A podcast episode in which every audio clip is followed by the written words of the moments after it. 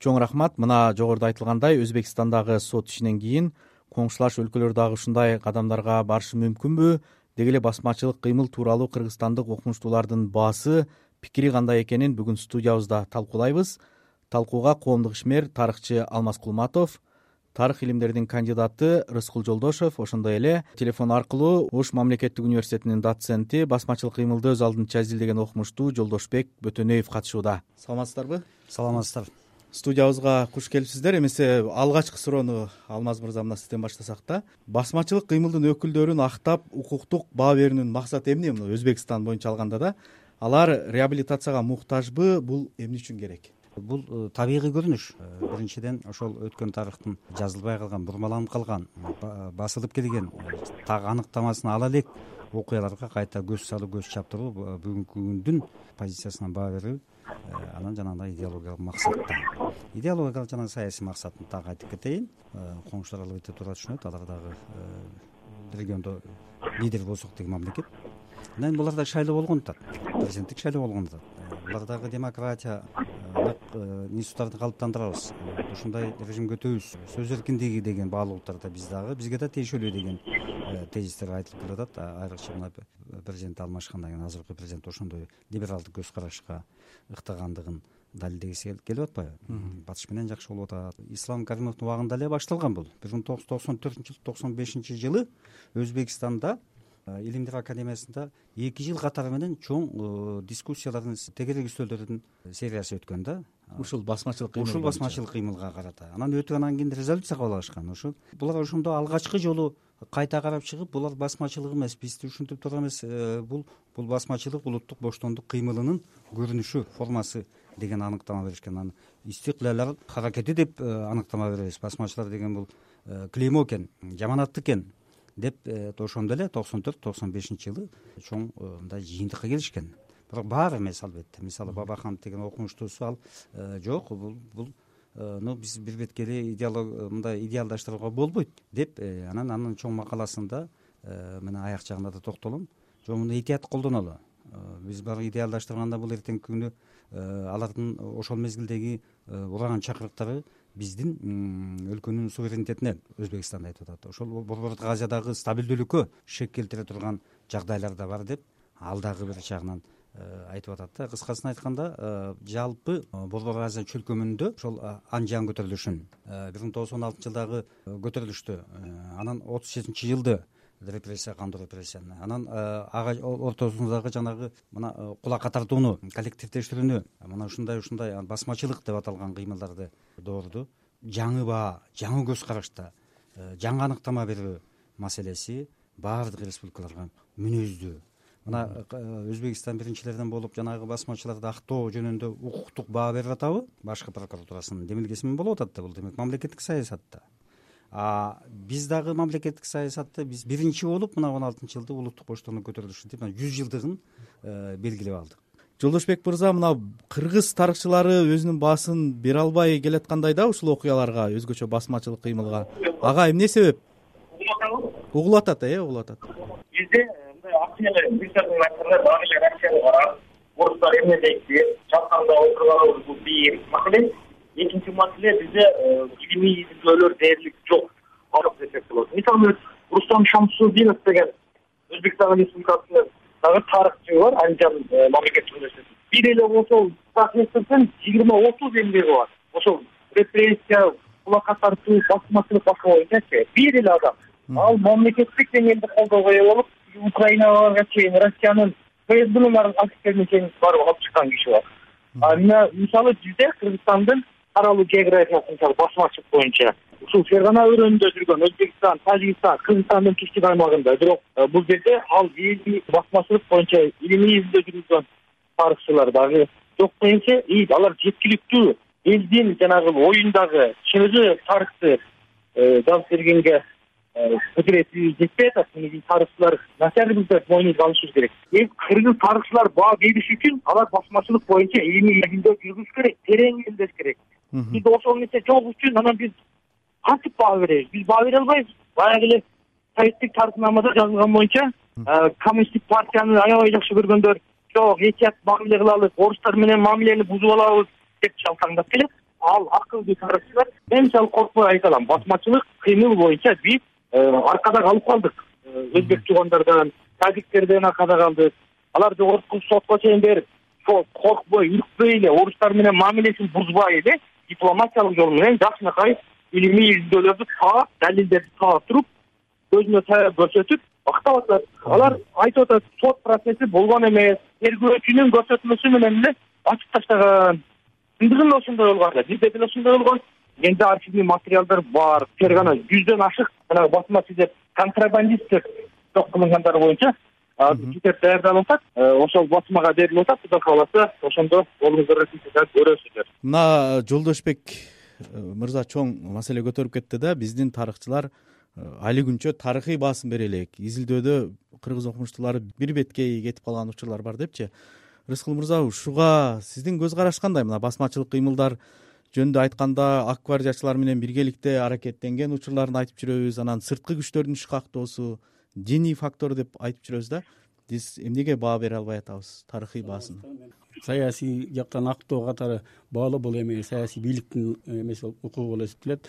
Ал эми илимде болсо бул кыймылга объективдүү э, анан кийин кыймылдын эмне себептен пайда болгон себептерин изилдөө менен ошондой эле ошол кыймылга катышкан инсандардын кандай идеологиялык максаттарды көздөгөн эмнени каалашкандыгын баалоо менен гана илимий чындыкты табууга болот да. Мына биз отуз жылдыкты майрамдап атпайбызбы ушул отуз жылдыктын ичинде акырындап окумуштуулар изилдеп башташты мына азыр эле э, сүйлөп кеткен жолдошбек э, мырза бул ушу басмачылык кыймыл боюнча кандидаттык диссертациясын жактаган жигит мен бул жигитти жакшы тааныйм эми бул жерде мындай болуп атат да бизде ушул күнгө чейин тарыхчылар изилдөөлөрүндө ар ким өзүнүн баягы тарыхта изилдөөчүнүн эле субъективдүү көз карашына жараша э, талкуулап жүрөт да. Негизинен баягы калыптанып калган совет мезгилиндеги сиз айтып аткан э, басмачылык бул тап душмандар болгон улутка каршы күрөшкөн деген түшүнүктөр бул пропагандисттик түшүнүктөн жаралган эми акыркы мезгилдерде жанагы тарыхый баа берүүдө акырындыктан э, көз караштар өзгөрүп келатат. Мен сизге айтайын акыркы жолу ушул кыргызстандын тарыхчы окумуштуулар тарабынан кыргызстандын тарыхынын академиялык үч томдук басылмасы басылып чыкты. Бул эми академиялык басылыш ушул бөлүмдө түздөн түз басмачылык кыймылды улуттук боштондук кыймыл деп берилген жазылган. Зөкүрлөрдүн каракчылардын мындай шайкасы болгон деген Э, жанагы пропагандисттик э, түшүнүк менен ушул элдин арасында дагы эле талаш таратат да. Бирок бул басмачылык кыймылга баа берүүдө ошол кыймылдын өзүнүн тарыхына токтолсок басмачылык кыймыл кантип башталды? Жөн эле жанагындай совет бийлигине каршы жапайы адамдар топтолуп алып элди танап тонап баштаган жок. Эң биринчи кезекте бул кыймылдын башталышы саясий эркиндик үчүн башталган мына биз билебиз баарыбыз. бир миң тогуз жүз он жетинчи жылдын биринчи ноябрында түркүстан борбору ташкентте совет бийлиги орногон ошондон көп узабай эле совет бийлиги орноп ошо он бешинчи жыйырманчы ноябрлардын ортосунда түркүстан советтик өкмөтү түзүлгөн ошол өкмөткө он эки киши кирип он бир киши ошонун биринде дагы жергиликтүү элдердин өкүлү болгон эмес. Бул аябай элдин нааразычылыгын жараткан ошого карата альтернатив түрдө орто азиялык интеллигенция түркүстандык интеллигенциялар кокон шаарында убактылуу автономиялык э, өкмөт түзгөн түркүстан аны кокон автономиясы деп коет. Мына ошого катышкан лидерлердин баарын кийин камап баштаганда ошого каршылык катары ошого катышкан лидерлердин айрымдары мисалы үчүн эргеш курбашы ошол жерде кокон автономиясынын милициясынын башчысы болгон начальник болгон. Ошолор баштап эң биринчи э, элдик көтөрүлүшкө катышкан эгер басмачыларды элдер колдобосо анда бул кыймыл узакка созулмак эмес. Ушул он сегизинчи жылдан баштап жыйырма отузунчу жылдардын ортосуна чейин э, болду. Керек болсо кыркынчы жылдан башына чейин болду айрым топтор.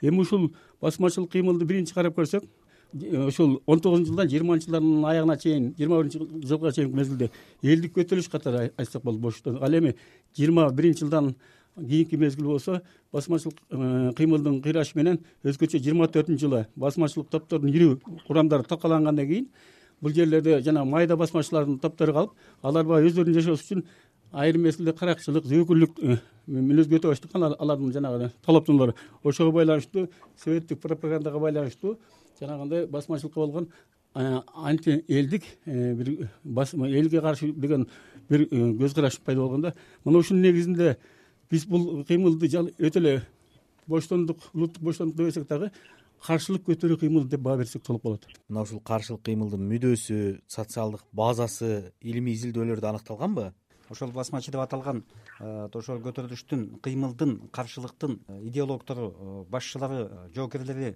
Э, максаттары мүдөлөрү э, социалдык базасы ушул сыяктуу э, нерселерди биз так аныктай элекпиз. Ооба жиликтей элек жиликтей элекпиз да устакандай элекпиз анан биз жалпы эле айтабыз. Биринчи маселени тактап алышыбыз керек. Мына басмачы деп аталган кыймылдын ошол басмак деген сөздүн этимологиясында бир пикирге келе элекпиз. Бул эски түрк көөнө түрктүн басып алуу дегениби же ошол эле эски көөнө түркүнүн басма мындай көз салуу деген ээлик кылуу деген келеби. Экинчиден бул ошол кыймылдын идеологиялык деп атпайбызбы? Бул этаптарга бөлүп жылдарга бөлгөндө э, биз э, ушундай мамиле кылышыбыз керек качан башталгандыгын. Алигиче окумуштар талаша берет анан булардын бир бирдиктүү идеологиялык концепциясы жок болгондо бирөө өз алдынча мамлекеттиги үчүн күрөшсө өз алдынча мамлекеттик кандай гана формасында болбосун бирөө жанагындай жөн гана идеологиялык мындай диний негизде күрөштө каапырларга каршы согуш жатабыз деп. Анан э, демек бул бир аймак менен чектелбей турган өз алдынча мамлекеттик куруунун ар кайсы формада ар кандай масштабта ар кайсы жылдарда ар кайсы аймактарга мүнөздүү көп улуттуу эл катышкан анан башчылардын көз карашы саясий ориентациясы ар кандай болгон күрөштүн э, деп атоого болот го дейм да жалпылаштырып. Анан аны албетте жанагындай кылып жиликтебесек болбойт. Ушул жерде жолдошбек мырза сизге суроо бергим келип атат угулуп атабы?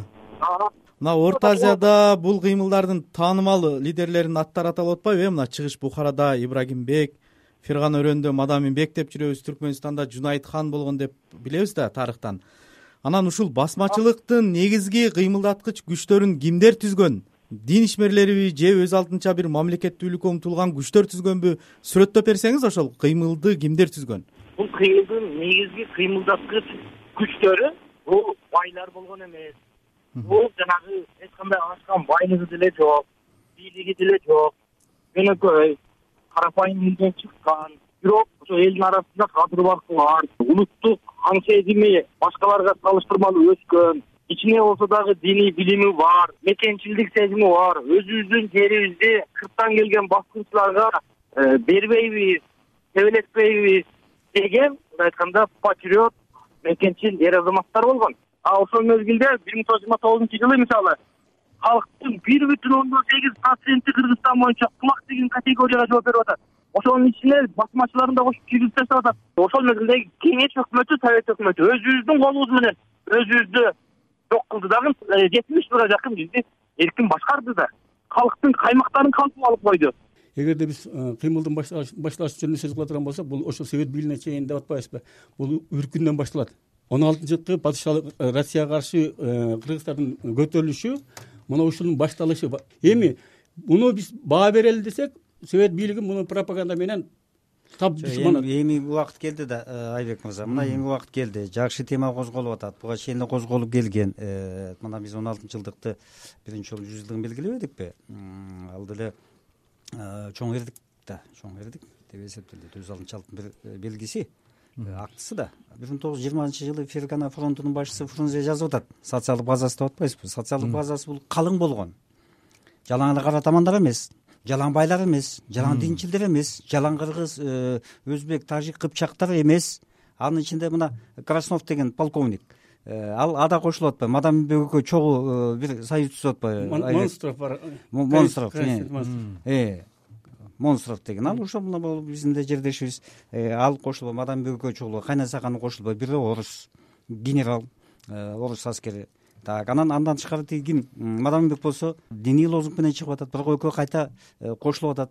Мадамбек кайта кызыл армияга курамына кирип кетип атат келишим түзүп атат. Ошол суроону берейин деп аткам да тышкы күчтөрдүн канчалык таасири канчалык болгон алар эмне мүдөө менен аралашкан дегенчи. Тышкы күчтөрдө бул бир беткей дагы муну аябай иликтеш керек. Мына биз мисал менен айтып коелу бул англия албетте бул афганистанга ушу борбордук азияга эки атаандаш э, улуу держава болгон. Россия менен британия ушул жерден катуу кармашып келген да. Бирок британияда империясы бул жерде афганистанды мындай кармап жанагы мадаминбек ибрагимбектер улам эле жеңилген сайын афганистанга кире качып эле анан ошентип э, кайта күч топтоп келип атышты да. Германия колдоп келген. Анан эң чоң колдоочу туркия факты менен айталы. Энвер пашаны э, бир миң тогуз жүз он тогузунчу жылы жиберип атат. Ал э, түркиянын аскер министри. Ал бир миң тогуз жүз жыйырма үчүнчү жылга чейин ушул кыймылды башкарып атат ал өлгөндөн кийин колго түшүп өлтүрүлгөндөн кийин селимбей деп жиберет атпайбы селим паша деп. Атын өзгөртүп анысы келип ал басмачылыкты бир миң тогуз жүз жыйырма тогузунчу жылга чейин колдоп атат. Анан анан анан кийин ибрагим бир миң тогуз жүз отуз биринчи жылдан кийин токтоп атат. Отуз биринчи жылы демек мына тышкы күчтөрдүн да байланышы. Мунун баары тең архивтерде алып чыгып аябай калыс объективдүү изилдеш керек. Муну эч ким тыюу салган жок. Кеп ошону баа бергенде жанагы биз келечегибизди ойлошубуз керек. Ошол жанагы жихадчылык идеясы ошо басмачылыкта да болгон. Негизги кыймылдаткыч э, идеологиянын бири болгон. Бирок азыркы момундай шартта ислам фанатизми күч алып от алып кеңири кулаш жайып келаткан мезгилде бир бетке идеалдаштыруу азыркы учурда мындай бир аларга идеологиялык дух берип коюу жагын дагы эске албасак болбойт. Бул э, мен тарыхчы катары саясатчы катары коомдук ишмер катары айтайын. Анткени мына биз о ушулар э, улуттук баатыр болчу баары тең сүттөн ак болчу бейкүнөө кеткен чыгаандар э, дегенде биз өтө этият болбосок. Алмаз мырза чоң маселени козгоп калды да. Өзбекстанда ушул басмачылык антисоветтик аракеттерге айыпталгандар реабилитация болду деген жаңылык чыккандан кийин социалдык медиада мындай эки ача пикирлер талкууга түштү да басмачылык кыймылдын өкүм зордугу зордуктоо зулумдук унутулбаш керек деп дагы жазгандар болду да. Рыскул мырза ушул укуктук баа бергенде эмнелер эске алыныш керек? Биз эң башкысы кыймылдынчы негизги максаты эмне анын күч алган мезгили анан ал начарлап баягы жеңилгенден кийинки аракеттери ушунун баары эске алыш керек да. Биз мисалы үчүн э, ошол орто азия элдери өз алдынчалык үчүн күрөшүп атат. Мына жанагы мадамбектин айым кыштагындагы курултайынан кийин өзү жыйырманчы жылда э, жанагы казанполктун такалашып басмачылыктын жанагы жергиликтүү өз алдынча болобуз деген элдердин чоң жеңиши болгон да бирок аны түркүстан фронту талкалап атат. Талкалагандан кийин мадамбектин өзү өлгөндөн кийин көршөрмат түркүстан ислам мамлекет деп жарыялап атат. Мына ушунун баары тең. Бул мамлекеттик үчүн да сөз болуп атат да. Ал эми жыйырма төртүнчү жылы басмачылык негизинен орто азияда талкалангандан кийин муну майда гана топтор кылып атат алар шайкага айланып атат жанагы биз эми мисалы үчүн жанагы элдерди талап кеткен тоноп кеткен деген ошолордон тийип атат да. Эми эгерде биз бир эле ошол талап кеткенин айта берсек дагы башкача болуп калат. Жок жана башын айта берсек муну мындай чогултуп туруп анан баа бериш керек. Бул негизги кыймыл өзү кандай болгон депчи. Анан үчүнчүдөн бул кыймылдын күчөшү ошо. Жанагы алмаз мырза айтып атпайбы процессине менен кошулганда жанагы колхоздоштур түзүлүп атканда байманат орто кулак бар кулакка тарткандан кийин ошо нааразы болгондор анан э, кошулуп мунун баары көрсөтүп турат антисоветтик кыймыл экенинчи эми эгерде биз бүгүнкү күндөн илимде баа бере турган болсок эми муну бир эле окумуштуу эмес а көптөгөн э, окумуштуулар кабыл алыш керек. Негизинен антисоветтик э, мындай эркиндикке чыга турган каршылык көрсөтүү кыймыл экендигин баа беришибиз керек да. Илимде бул эми бир күндө чечилбей турган маселе. Жанагы биз айткандай отуз жыл болду бизде архивде документтерди алуу проблемалар акча каражат проблемалар толуп жатты. Да жалгыз эле бир киши чечип койбойт муну көптөгөн бир нече окумуштуулардын жыйынтыгында анан кабыл алынат да. Ал эми ага мындай саясий баа берүү болсо бул бийликтин иши илимий жактан дээрлик маселе чечилип калды. Мына энциклопедияны карап көрүңүз. Басмачылыкка мындай оң жактуу баа берген э, эмелер көп. Урпактары болсунбу же бир изилдөөчүлөрбү персоналдык түрдө кайсыл бир ошол кыймылдын мүчөсүн актап бер деп кайрылган учурлар барбы юридикалык жактан бир прокуратурага кайрылабы? Барбы ошондой мисалдар кыргызстанда? Мисалы эсеналиев бөлтөк деген аксакал боюнча кайрылган. Кара кылжабайдын абай көөрөнүнөн кооч аты деген айылдан болот. Баласы өзү дагы укмкнын кызматкери болгон экен. Жакында эки жыл болду көзү өтүп кетти ал бүт ошол маалыматтарды топтоп ошол сотко прокуратурага керек болсо кайрылам деп даярданып жүргөн жеринен каза болду бирок бүт маалыматтарды мен колума алып калдым. Анан кечээги жанагы э, мындайлар көп. Э, атамы таап бер анан эмне күнөөсү үчүн мен муну кантип актасам болот. Чоң рахмат. Эмесе талкуубузду жыйынтыктасак да соңку суроомду берейин да. Э, жолдошбек бир эмес эки жолу белгилеп атат да бул окуяларга саясий укуктук баа берүүдө геосаясий абалдагыдан дагы көз каранды болуп атабыз депчи кандай буга силердин көз жок ал мен э, ал кишинин да өзүнүн пикири бар. Эми геосаясий болгондо андай деле орустардан коркуп турган э, россия э, москва кремлден көз каранды болгудай маселе эмес бул.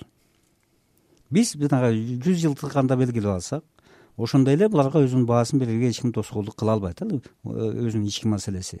Бирок тарых маселеси бул саясий идеологиялык маселе. Кеп биздин өзүбүздүн ошол өткөн тарыхыбыз болгон мамилебиз биз ошондон кандай пайда алабыз? Кандай пайда алабыз? Кийинки биздин э, бүгүнкү коомдук аң сезимге э, саясий кырдаалга жана келечекке кандай таасир этет дегенин биз салмакташыбыз керек айбек мырза. Баардык маселенин баасы наркы куну болот экономикалык социалдык саясий идеологиялык жана башка жана башка. Анан бул маселени мына бул э, өткөн тарыхка кайрылып анан объективдүү баа берүүдө мунун идеологиялык саясий моралдык куну болот да.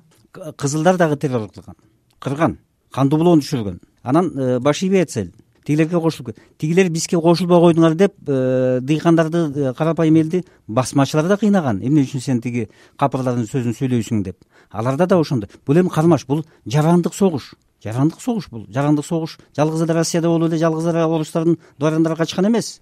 Кызыл арма менен актар согушкан эмес. Биздин жерде биздин элде дагы э, бир улуунун ичинде бир айылдын ичинде бир конучта эки бир тууган эки баш качакта туруп согушкан. Анан эгерде ачылып кеткен мезгилде ача турган мезгилде кыргыздын киги кырк жылда бул учкай айтылган кыргыз эч качан унутпайт жети атасына чейин сактап турат. Анан ушул жагына келгенде этият кеп геосаясий жакта эмес кеп ички жагыбызда. Мен бир нерсени айтып койгум келип атат. Могу бизде актоо процесс жөнүндө сөз кылып атпайсыңарбы бизде басмачылыкты негизи душман тап душман катары совет бийлиги көрсөттү да. Ошол совет бийлигинин пропагандасынын негизинде азыр элдер жанагы жаман көрүп э, атканын баары кино фильмдер тартылган ошонун баары басмачы деген жаман кабыл алынып калган да. Бирок карап туруңуз биз эгер басмачыны бүгүн э, тиги эгемендик үчүн күрөшкөн адамдар катары бааласак анда аларга каршы согушкан э, совет кызматкерлер да. Азыр бул так айтылып атат жарандык согуш болгон да. Биз ошол эле совет кызматкерлерин ишмерлерин биздин мамлекеттүүлүктөгөн кишилер биздин деп азыр э, аларды дия тутуп атпайбызбы? Мисалы үчүн совет э, системасын калыптанган инсандар алар да кыргыздар болгон да. А ошол кыргыздар басмачыларга каршы күрөшкөн басмачылар болсо совет системасынан тышкары эркин мамлекет курабыз деген да. Ушул эки Э, талаш нерсенин ортосундагы чындыкты э, алып чыгыш керек да. Уже э, таразаланган баа берилиш керек да. Жолдошбек мырза угуп атасызбы угуп атам угуп атам ушул иликтөөдө тарыхый укуктук баа берүүдө эмнелер эске алынышы керек? Сиздин пикир. Ошолор жөнүндө изилдейлик болгон маалыматты алып чыгалык элге пайдасы тийген мамлекетке зыяны тийбеген иш кылса аны чындап баягы оң каарман катары көрсөтө элек ал эми Э, тескерисин менен э, элге зыяны тийип жөн жерден эле элди карапайым элди талап тоноп кордогон болсо аны э, макул бул чындап эле эл душманы болгон экен деп өзүнө жараша басым берелик. Деп атабыз. Эми бүгүнкү күндө ошолордун баарынын урпактары чыгып атат да. Тууган уругу чыгып атат алар келип атат тарыхчы экенсиң ушул жөнүндө маалымат барбы тигил жөнүндө маалымат барбы мага жардам бер. А бирок биз тарыхчылар ошону жанагындай мамлекеттик колдоо болбогон үчүн илимий командировкалар менен э, башка мамлекеттерге барып кошуна кайта өзбекстанга барып э, фергана өрөөнү боюнча басмачылык боюнча эң чоң маалыматтар азыр биринчи биз моюнга алышыбыз керек. Өзбек тарыхчылары таап алар өзбек тилинде же орус тилинде кылып чыгаргандан кийин анан ошолордон алып калып атабыз архивине кире албай атабыз. Мына ош жалал абадтын архивинде баткендин архивинде балай да жок да азыр басмачылык боюнча эч нерсе калган эмес гкмдын архиви тарыхчы эмес саясатчымын дегендер өздөрү кире албай жүрөт мисалы чоң рахмат. Бизге убакыт бөлүп талкууга катышып бергениңиздер үчүн ыраазычылык билдиребиз. Мына талкууга коомдук ишмер тарыхчы алмаз кулматов тарых илимдеринин кандидаты рыскул жолдошев ошондой эле телефон аркылуу ош мамлекеттик университетинин доценти басмачылык кыймылды өз алдынча изилдеген окумуштуу жолдошбек бөтөнөев болду